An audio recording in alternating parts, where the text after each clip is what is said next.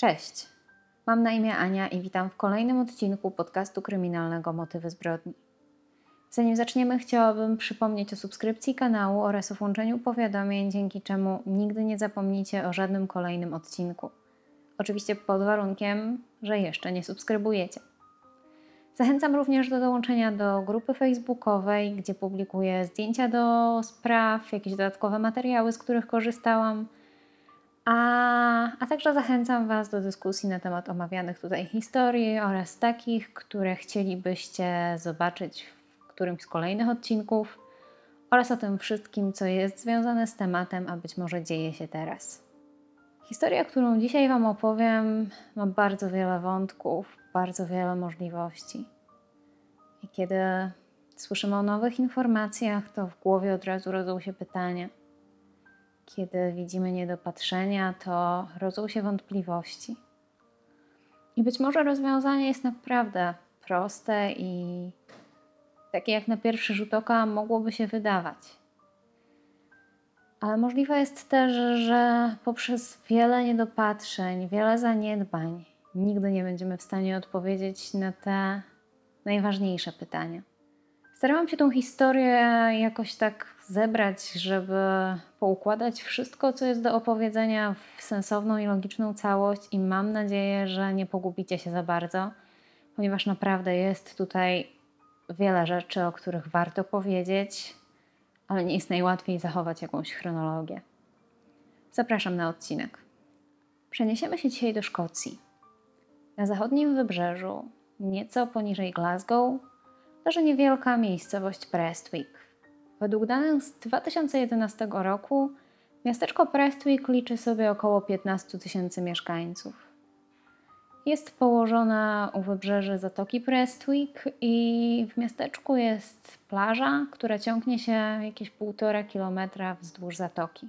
Jest 2005 rok. Właśnie zaczął się grudzień i pogoda w Szkocji nie rozpieszcza mieszkańców. Jest chłodno, mgliście, trochę ciemno. 4 grudnia 2005 roku jest poranek taki typowy dla Szkocji w grudniu. Jest zimno, ponuro. Jednak pewien mężczyzna decyduje się, że ten poranek to dobra okazja, aby wyjść ze swoim psem na trochę dłuższy spacer wzdłuż plaży. Mężczyzna idzie ze swoim czworonogiem, spogląda na morze, patrzy na tą mgłę, która jest. Stara się wsłuchiwać w szum fal i trochę relaksować tym, tym dźwiękiem. Aż nagle widzi na horyzoncie coś, co burzy mu spokój tego poranka. Jest 8.30 rano.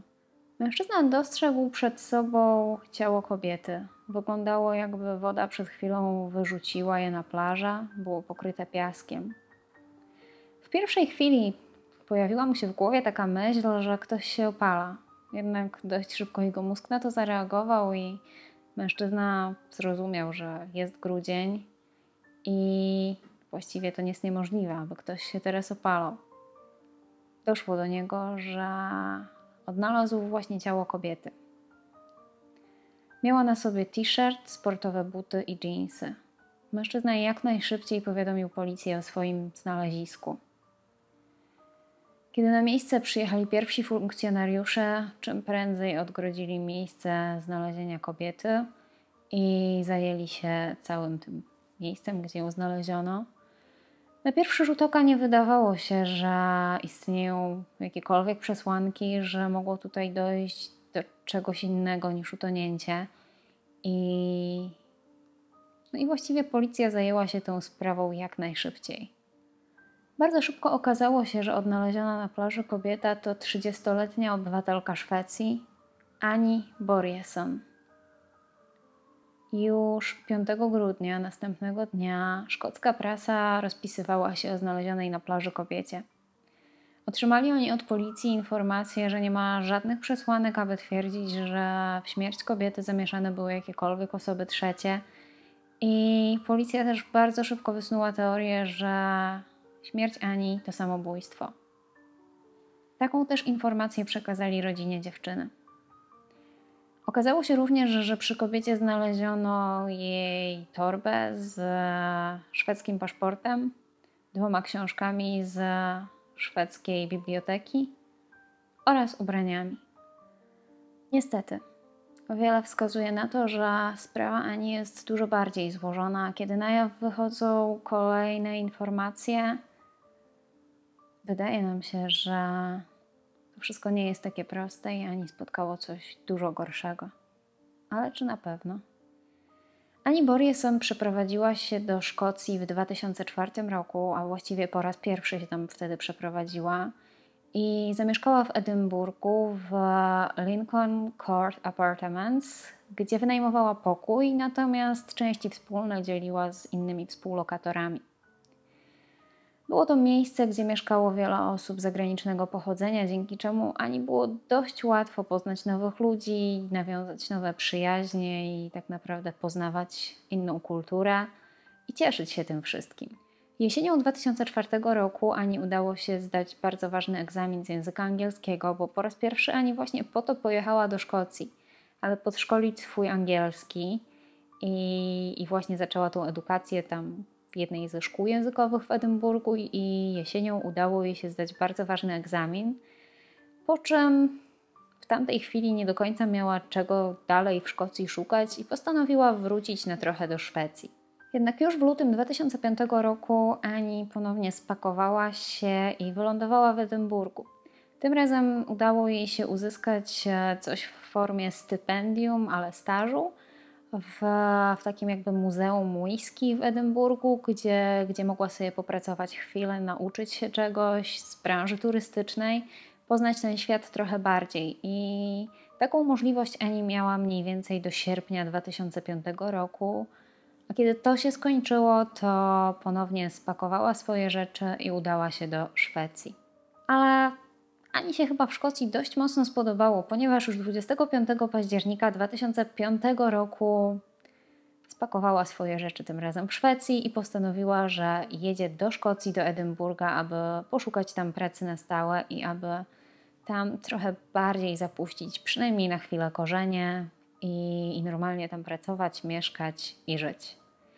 Podejrzewam, że Ani bardzo podobał się ten styl życia, który prowadziła w Szkocji, ponieważ ciągle miała nowych ludzi, których mogła poznawać, mogła nawiązywać nowe przyjaźnie, mogła spędzać czas jeżdżąc po okolicy Edynburga i oglądając piękno Szkocji.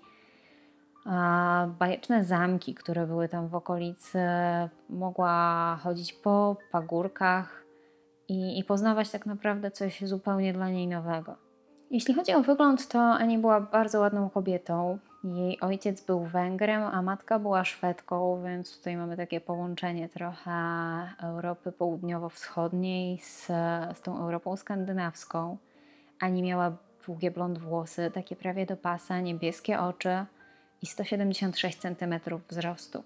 Kobieta miała też niespotykany dar do nauki języków obcych, ponieważ w wieku 30 lat znała ich kilka przede wszystkim angielski, francuski, fiński, węgierski z racji tego, że jej tata mówił do niej często w swoim ojczystym języku, no i oczywiście szwedzki z racji tego, gdzie mieszkała. Ani też bardzo lubiła śpiewać i była nawet e, częścią zespołu, była tam wokalistką, występowała z nimi, grała z nimi koncerty i, i po prostu to uwielbiała i do tego również miała ogromny talent. A dodatkowo, jeśli chodzi o sport, to Ani była świetną pływaczką. Znajomi i przyjaciele Ani oraz jej rodzina opisywali ją jako osobę taką bardzo szczęśliwą, radosną, żywą, która ciągle szuka nowych przygód, która ciągle szuka jakichś nowych wyzwań w swoim życiu. I też co bardzo istotne, Ani nigdy nie była osobą, która spożywała narkotyki albo spożywała zbyt duże ilości alkoholu. Z reguły, kiedy Ani wybierała się ze znajomymi do baru, to wypiła drinka czy dwa, ale nigdy się nie upijała.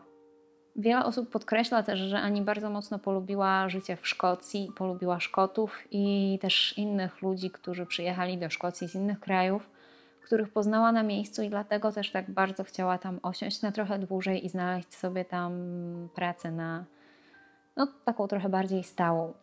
Rodzina Ani twierdzi, że nie miała ona też żadnych problemów finansowych, nawet jeżeli nie pracowała w danym czasie, ponieważ ciągle otrzymywała pieniądze, coś w formie takiego zasiłku dla osób bezrobotnych ze Szwecji, gdzie ta kwota jej zupełnie wystarczyła na, na życie w Szkocji, powiedzmy w momencie, kiedy, kiedy musiała tej pracy szukać i nie miała innych dochodów. Poza tym w tym czasie, kiedy jeździła do, do Szwecji, do swoich rodziców, zostawała u nich w domu i nie wydawała tych pieniędzy, co pozwoliło jej zaoszczędzić pewną kwotę, dzięki której mogła później pojechać znowu do Szkocji i tam zapłacić za, za miejsce do życia, wynająć właśnie pokój, w którym mieszkała i, i na spokojnie szukać sobie tej pracy.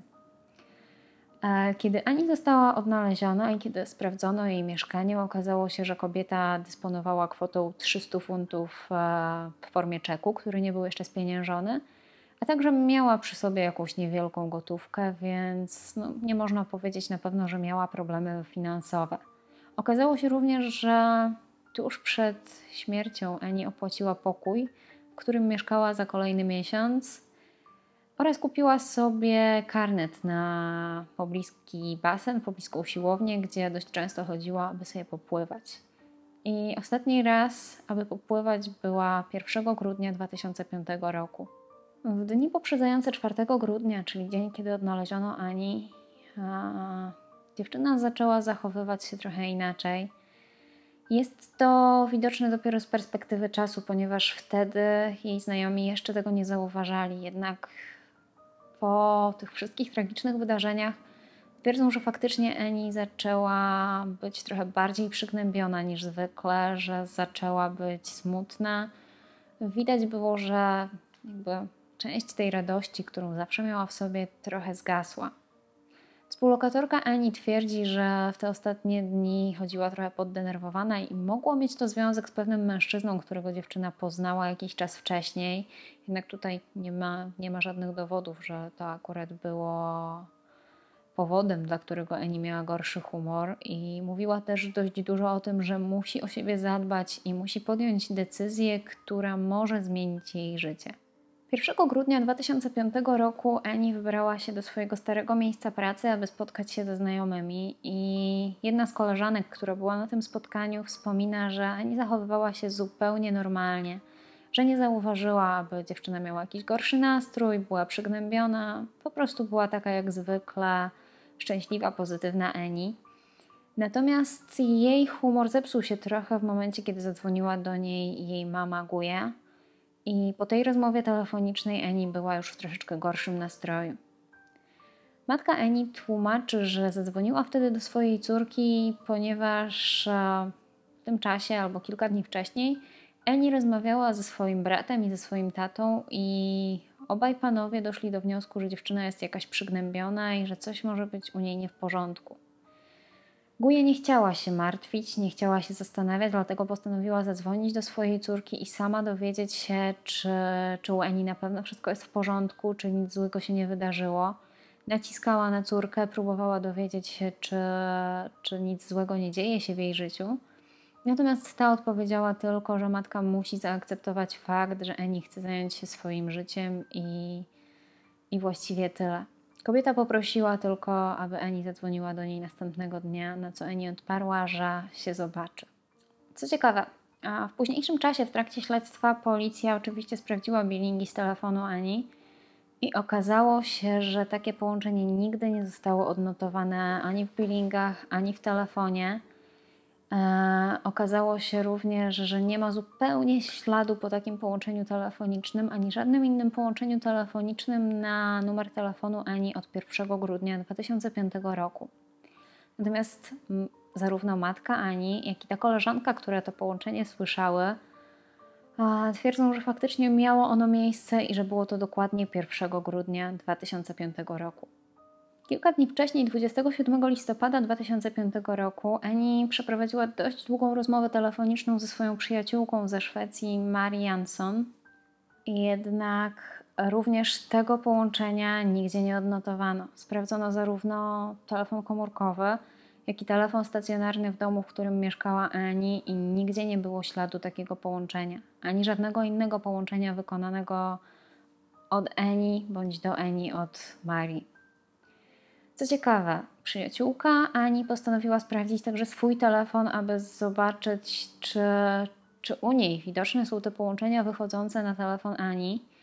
I kiedy poprosiła o billingi, okazało się, że takich połączeń nigdy nie odnotowano. Dziewczyny rozmawiały ze sobą dość często, były bliskimi przyjaciółkami i nie zarejestrowano żadnego połączenia między Ani i Marii. Również nie zostały nigdy naliczone opłaty za takie połączenia. Jakby zupełnie nigdy ich nie było. 1 grudnia 2005 roku Ani rozmawiała przez telefon też z, z inną swoją koleżanką ze Szwecji. I w trakcie tej rozmowy telefonicznej opowiadała jej o swoich planach na wieczór, a mianowicie mówiła o tym, że wybiera się na imprezę. Wydawała się być dość podekscytowana, zadowolona. Natomiast starała się też nie wdawać w szczegóły i nie mówić zbyt dużo na temat tej imprezy. Jak się później okazało, nikt nic nie wiedział na temat tej imprezy, nikt się nie zgłosił na policję, aby powiedzieć, czy taka impreza faktycznie miała miejsce.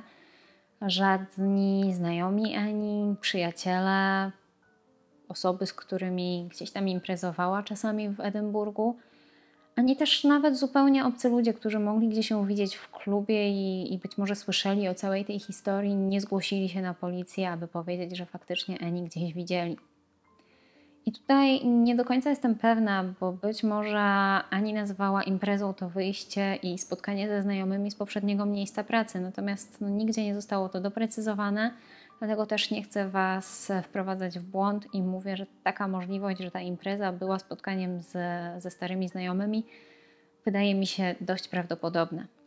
Ogólnie rzecz biorąc, nikt nic nie wiedział na temat życia Ani w Edynburgu a jej znajomi ze Szwecji, czy też osoby, do których udało się dotrzeć, nie wiedziały zbyt wiele na temat tego, z kim Ani się spotyka, co robi w wolnym czasie. Było jedynie wiadomo, że najprawdopodobniej nie ma chłopaka, chociaż być może takiego miała. Natomiast oficjalnie nikt o tym nie wiedział, aczkolwiek w ostatnim czasie powiedziała swojej przyjaciółce Marii, że poznała pewnego mężczyznę. Około tygodnia przed śmiercią Ani wybrała się do klubu w okolicy swojego domu. I tutaj też nie mam dokładnych informacji, ale wszystko wskazywało na to, że Ani poszła tam sama. Mogłoby się to wydawać trochę dziwne, natomiast no, może też nie. Może nie przeszkadzało jej chodzenie na imprezy bez towarzystwa, a może po prostu tamtego wieczoru miała ochotę kogoś poznać. I właśnie w tym klubie poznała mężczyznę, który przedstawił się jako pochodzący z Nowej Zelandii Martin Leslie. Ani znała to nazwisko. Dziewczyna była bardzo zapaloną fanką rugby, chodziła na mecze, które były gdzieś tam w, w okolicy jej domu. I warto tutaj dodać, że zawodnik rugby to był taki wymarzony ideał mężczyzny dla Ani. I kiedy usłyszała, że mężczyzna, który siedzi obok niej, przedstawił się jako Martin Leslie, od razu skojarzyła pochodzącego z Nowej Zelandii międzynarodowego gracza rugby, który aktualnie grał w e, szkockiej drużynie. I w pierwszej chwili nie mogła uwierzyć, że trafiło jej się takie szczęście, że mogła poznać faceta swoich marzeń. I ten wieczór Ani właśnie z nim spędziła. Jednak bardzo szybko okazało się, że mężczyzna nie był tym, za kogo się podawał. Sprawiał wrażenie, jakby próbował podrywać kobiety na opowieści o międzynarodowej karierze, o, wielkich wydarzeniach sportowych i na drogiego szampana. Opowiadał historie, które wydawały się brzmieć bardzo realistycznie, znał dość dużo szczegółów, jednak nie był osobą, za którą się podawał. Jednak z jakiegoś powodu po tym e, wspólnie spędzonym wieczorze coś tam poszło nie tak i Ani była jakaś taka wystraszona i nigdy więcej nie chciała spędzić ani minuty w towarzystwie Martina, bądź też mężczyzny, który się za Martina podawał. Tym bardziej było dla niej dość zaskakujące, a nawet trochę przerażające, kiedy zobaczyła tego samego mężczyznę na basenie, na który od dłuższego czasu chodziła. Nigdy wcześniej, zanim się nie poznali w tym klubie, go tam nie widziała. I było to dla niej takie no, przerażające, ponieważ nagle ten mężczyzna, którego nie chciałaby już więcej widzieć w swoim życiu, pojawia się w miejscach, gdzie chodzi ona. Więc zakładam, że dziewczyna mogła zwyczajnie poczuć się nieswojo. Tym bardziej, że Ani twierdziła, że na pewno by go zapamiętała, gdyby, gdyby wcześniej go tam widziała chociaż raz. Ani rozmawiała na temat spotkanego mężczyzny ze swoją przyjaciółką Marii i właściwie nie tylko o tym, ponieważ dziewczyny prowadziły długie rozmowy, Ani też powiedziała jej o tym, że niedługo przylatuje do Sztokholmu. Marii miała ją zresztą odebrać z lotniska. Ani też miała już umówioną wizytę u swojej ulubionej fryzjerki w Sztokholmie, natomiast o wizycie w Szwecji nie powiedziała jeszcze swoim rodzicom. Być może chciała im zrobić jakąś taką świąteczną niespodziankę, ale o tym nic mi nie wiadomo. Ani wspomniała Marii też na temat e, poznanego Martina Leslie. Opowiadała jej o tym, że w tym ostatnim tygodniu spotkała mężczyznę dwa razy i pierwsze spotkanie sprawiło, że czuła się nieswojo, że, że podchodziła do chłopaka z taką dość dużą rezerwą. Natomiast drugie spotkanie z jakiegoś powodu było na tyle przerażające, że Ani podjęła decyzję, że nigdy więcej nie chce go widzieć. Ostatecznie jednak warto podkreślić, że mężczyzna, o którym mowa, nigdy nie został w żaden sposób powiązany ze śmiercią Ani, ani też nigdy nie, nie udowodniono mu niczego. 3 grudnia 2005 roku jest to ostatni dzień, kiedy Ani była widziana cała i zdrowa, i tutaj Ani podejmuje pewne kroki i pewne działania, które jest dość trudno zrozumieć. Dlatego teraz przejdźmy też chronologicznie przez ten dzień i zobaczmy, czy układa nam to w głowie być może jakiś obraz i czy ta całość ma jakąkolwiek sensowną logikę. Około godziny 13.15 Ani jest widziana w swoim mieszkaniu w Edynburgu przez osobę, która dbała tam o czystość, kiedy jeszcze coś tam sobie robiła w tym swoim pokoju. Natomiast o godzinie 14.00 Ani podjęła próbę wyjęcia pieniędzy z bankomatu w centrum Glasgow. I tutaj pojawia się pewna nieścisłość, a mianowicie czas i odległość. Najkrótszy możliwy czas, aby dotrzeć samochodem z Edynburga do Glasgow, to jakaś godzina i 18 minut. Jednak biorąc pod uwagę fakt, że ani nie posiadała samochodu, musiała się tam dostać najprawdopodobniej pociągiem, tak jak robiła to zwykle, jadąc w tamtym kierunku. Najkrótsze połączenie pociągiem, według danych, które mam dostępne dzisiaj, a nie w 2005 roku, ze stacji Highmarkt w Edynburgu, z której Ani korzystała, do centrum Glasgow zajmuje około godziny. Dlatego też nie ma praktycznie możliwości, aby Ani była w stanie dostać się z Edynburga do Glasgow, aby o 14 być w stanie wyjąć tam pieniądze, ponieważ no, musiałaby nawet wyjść z mieszkania, dojść na stację, a to już zajmuje kolejne minuty, nawet jeżeli trafiłoby się, że jakiś pociąg jechałby tam tylko 45 minut. Poza tym też musiała ze stacji w Glasgow wyjść do centrum miasta i spróbować te pieniądze wyjąć. No i tutaj jedynym takim sensownym rozwiązaniem tej nieścisłości jest fakt, że kobieta, która widziała Ani, mogła a, nieprawidłowo zapamiętać godzinę, o której ją widziała i najprawdopodobniej widziała może dziewczynę o 12.15. Jak już wspominałam, będąc w Glasgow, Annie próbuje dwukrotnie wyjąć pieniądze z bankomatu, jednak dwukrotnie dziewczyna odchodzi z niczym, ponieważ za każdym razem brakowało jej środków na koncie, aby mogła pobrać e, sumę, którą chciała. Za pierwszym razem Ani chciała wyjąć 100 funtów, natomiast za drugim próbowała wyjąć 50 i niestety nie udało jej się ani to, ani to.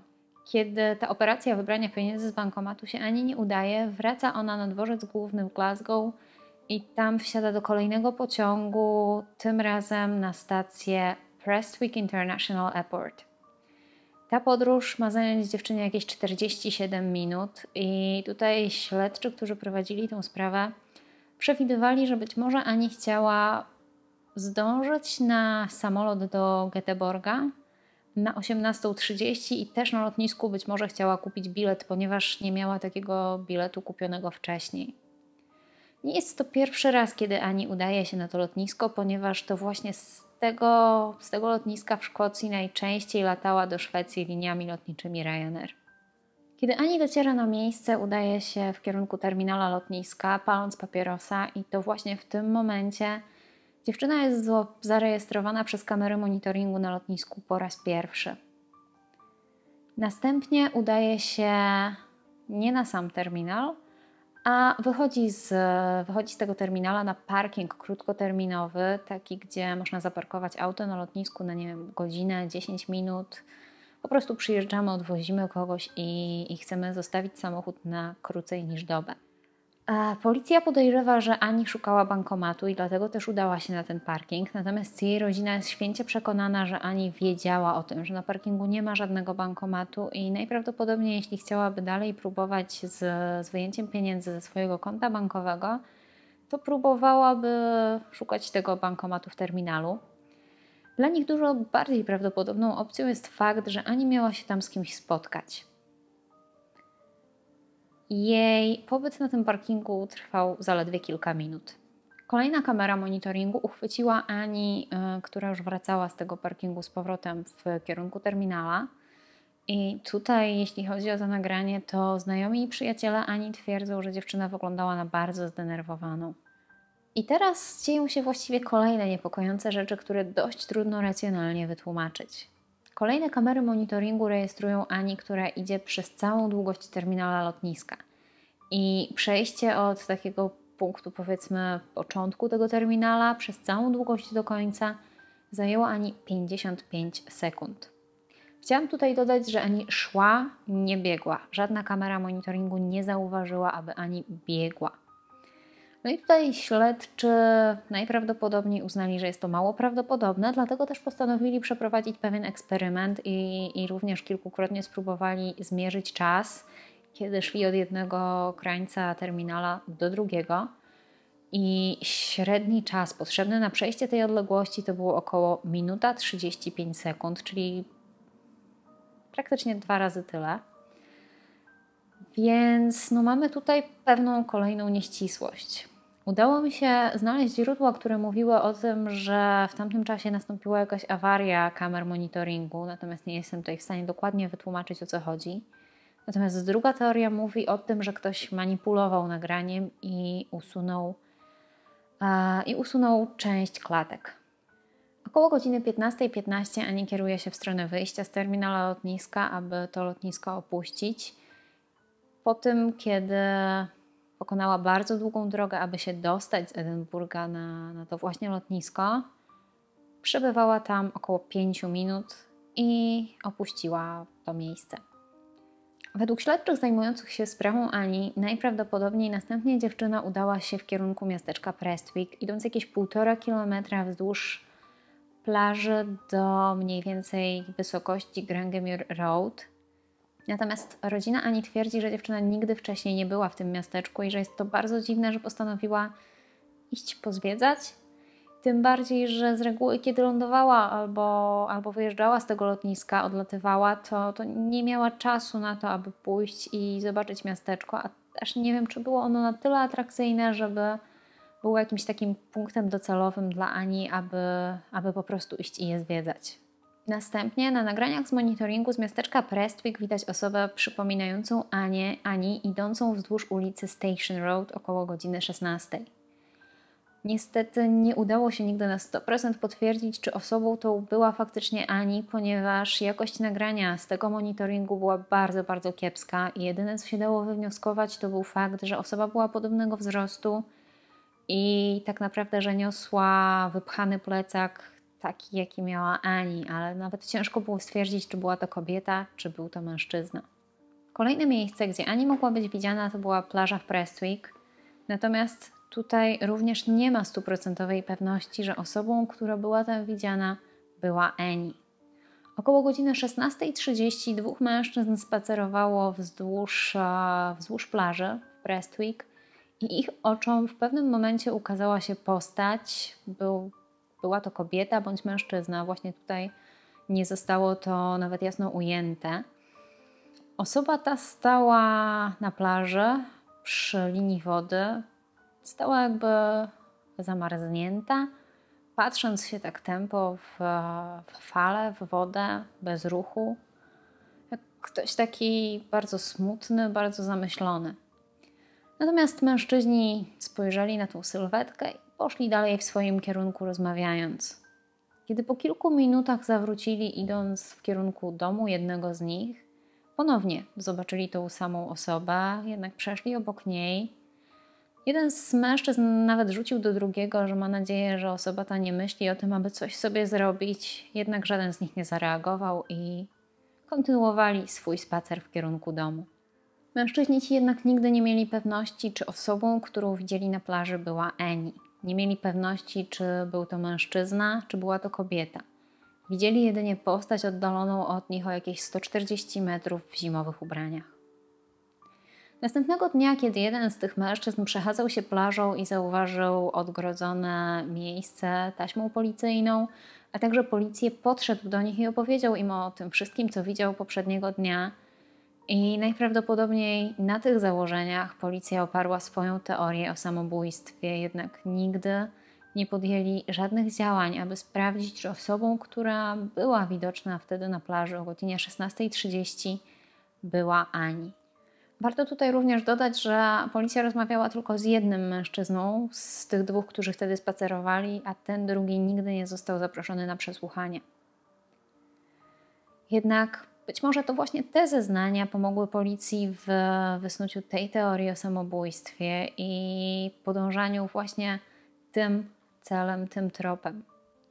W raporcie policyjnym udało się także odnaleźć informacje na temat tego, że między godziną 16.30 a 17.00 Osoba, która wyglądała podobnie jak Ani, była widziana na plaży rozmawiając z dwoma mężczyznami.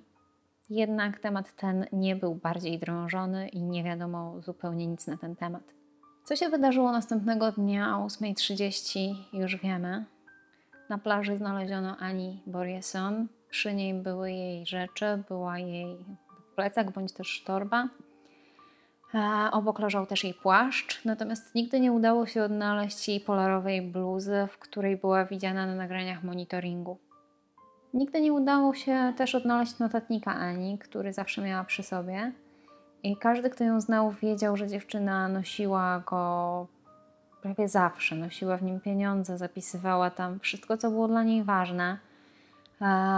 Wklejała tam jakieś karteczki z cytatami, zapisywała tam kontakty do swoich znajomych, numery telefonu, no praktycznie wszystko. I tak naprawdę, gdyby była możliwość uzyskania dostępu do tego notatnika, to można byłoby w dużo łatwiejszy i dużo bardziej precyzyjny sposób zbudować sobie obraz życia, jakie Ani prowadziła w Edynburgu. Wiele osób podnosi też, że to, w jaki sposób dziewczyna została znaleziona, budzi wiele wątpliwości i bardzo możliwe, że mogła zostać tam przeniesiona, a nie wyrzucona przez wodę i że jednak mogły brać w tym udział osoby trzecie. Wiele osób podnosi również, że mało prawdopodobne jest to, że, że rzeczy, które zostały znalezione przy Ani, zostałyby tak idealnie równo wyrzucone przez wodę obok niej, i dla wielu osób jest to pewna wątpliwość, która stawia pytanie, czy ani na pewno została wyrzucona przez wodę, czy też być może ktoś jej w tym pomógł, czy, czy mieszał w tej sprawie palce. Warto również dodać, że w późniejszym, e, w późniejszym śledztwie okazało się, że na rękach Ani odnaleziono DNA innej kobiety. Już następnego dnia policja przekazała prasie informację, że w śmierć Ani nie był zaangażowany nikt inny, a trochę za wcześnie przekazali taką informację, ponieważ autopsja jeszcze nie była skończona i tak naprawdę nie mieli żadnej pewności, czy to na pewno było utonięcie. Kiedy rodzina Ani poprosiła o ponowne zbadanie jej ciała, okazało się, że znaleziono na nim słodkowodne algi. Nie wiem tutaj dokładnie, jak to się przekłada, nie jestem zbyt dobra z biologii. Natomiast miało to według niektórych świadczyć o tym, że Ani nie utonęła w morzu, a utonęła w wodzie słodkiej. Jednak z raportu policyjnego wynika, że te słodkowodne algi mogły się na niej znaleźć poprzez to, że spożywała słodką wodę pijąc. Natomiast no tutaj, jak mówię, nie jestem najlepsza z biologii i trochę ciężko mi się odnieść do tego, czy to może być prawdziwe, czy nie. Czy to może mieć jakiekolwiek, jakiekolwiek znaczenie, że pijemy słodką wodę. Natomiast e, wiadomo również, że Szwecja nie chciała prowadzić dalszych badań w celu ustalenia, co jest prawdą, a co nie. Kiedy Ani dotarła do swojej rodziny do Szwecji, okazało się również, że jej włosy zostały ścięte. Ścięte około 15-20 cm. Jak wspominałam, dziewczyna miała bardzo piękne, grube, długie włosy. Było to dla nich trochę bulwersujące, ale chcieli się dowiedzieć, dlaczego to się wydarzyło. I okazało się, że kiedy Ani została wysłana z Edynburga, przed Wysłaniem jej do Szwecji był jeszcze taki krótki przystanek w Londynie, i tam ktoś, kto zajmuje się takimi rzeczami, przygotowaniem ciała do transportu, stwierdził, że to oni ścieli te włosy, ponieważ były zabłocone, były całe w piasku i było to zwyczajnie nieestetyczne.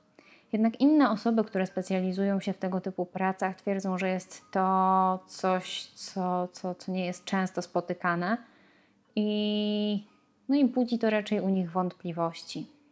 Rodzina Ani chciała się też w jakiś sposób dowiedzieć, co dziewczyna robiła przez ostatnie dni swojego życia, dlatego też pierwszym takim tropem, który przyszedł im do głowy, było zalogowanie się na jej skrzynkę mailową, ale kiedy to uczynili, okazało się, że maile były usunięte.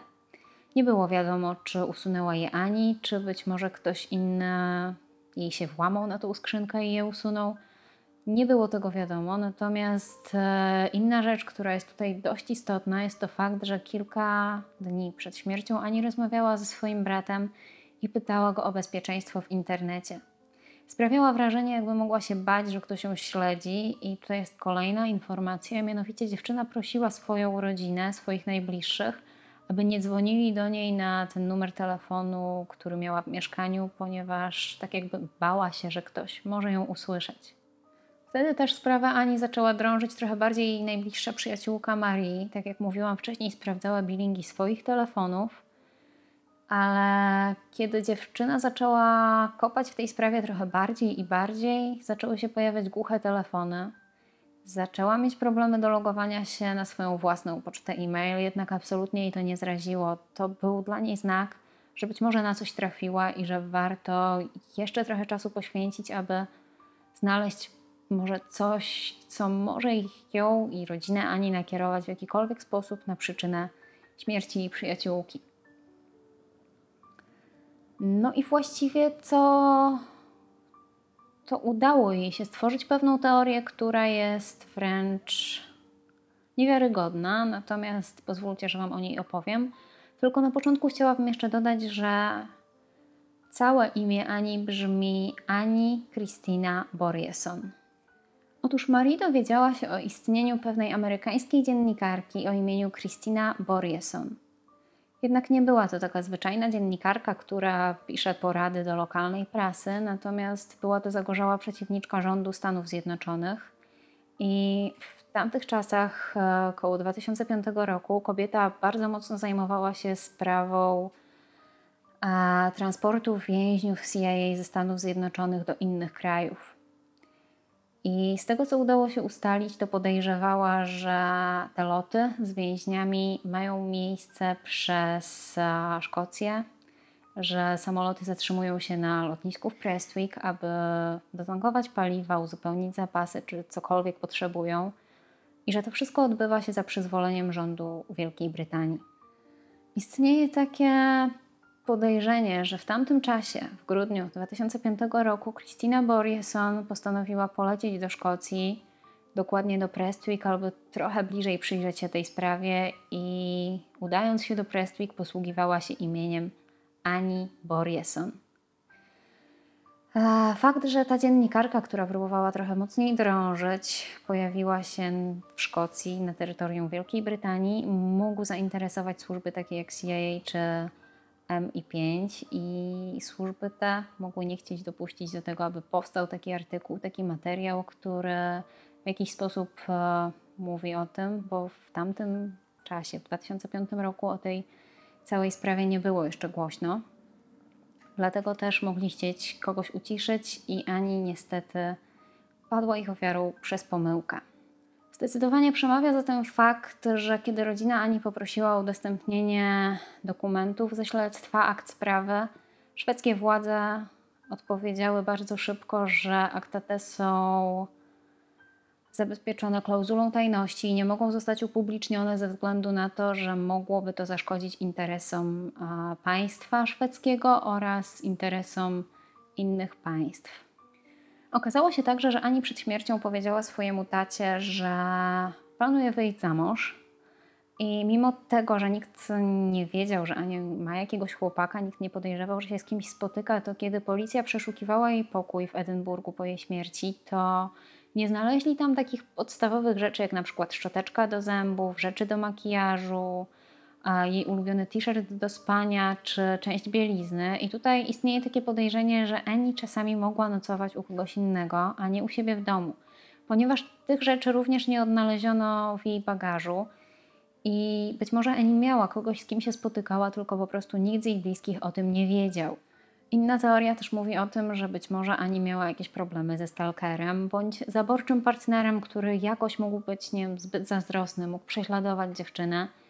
I niektóre osoby wierzą w to, że kiedy Ani wyszła na ten parking przed lotniskiem, to właśnie z kimś takim miała się spotkać, a wcale nie chciała jechać do Szwecji tamtego dnia. Natomiast może coś poszło nie tak, może doszło do jakiejś kłótni i, i był tutaj jakiś wypadek. Natomiast nic za tą teorią tak naprawdę z prawdziwych dowodów nie przemawia. Warto też może powiedzieć trochę o tym, dlaczego policja mogła tak łatwo stwierdzić, że śmierć Ani to samobójstwo. Kiedy po odnalezieniu jej udali się do Edynburga, aby porozmawiać z jej znajomymi, aby sprawdzić jej mieszkanie, to od bardzo wielu osób usłyszeli, że w ostatnim czasie dziewczyna była w dużo gorszym nastroju, że miała gorszy humor, była jakaś taka przygnębiona. Nawet jej rodzina twierdziła, że w ostatnim czasie ani trochę nie była sobą.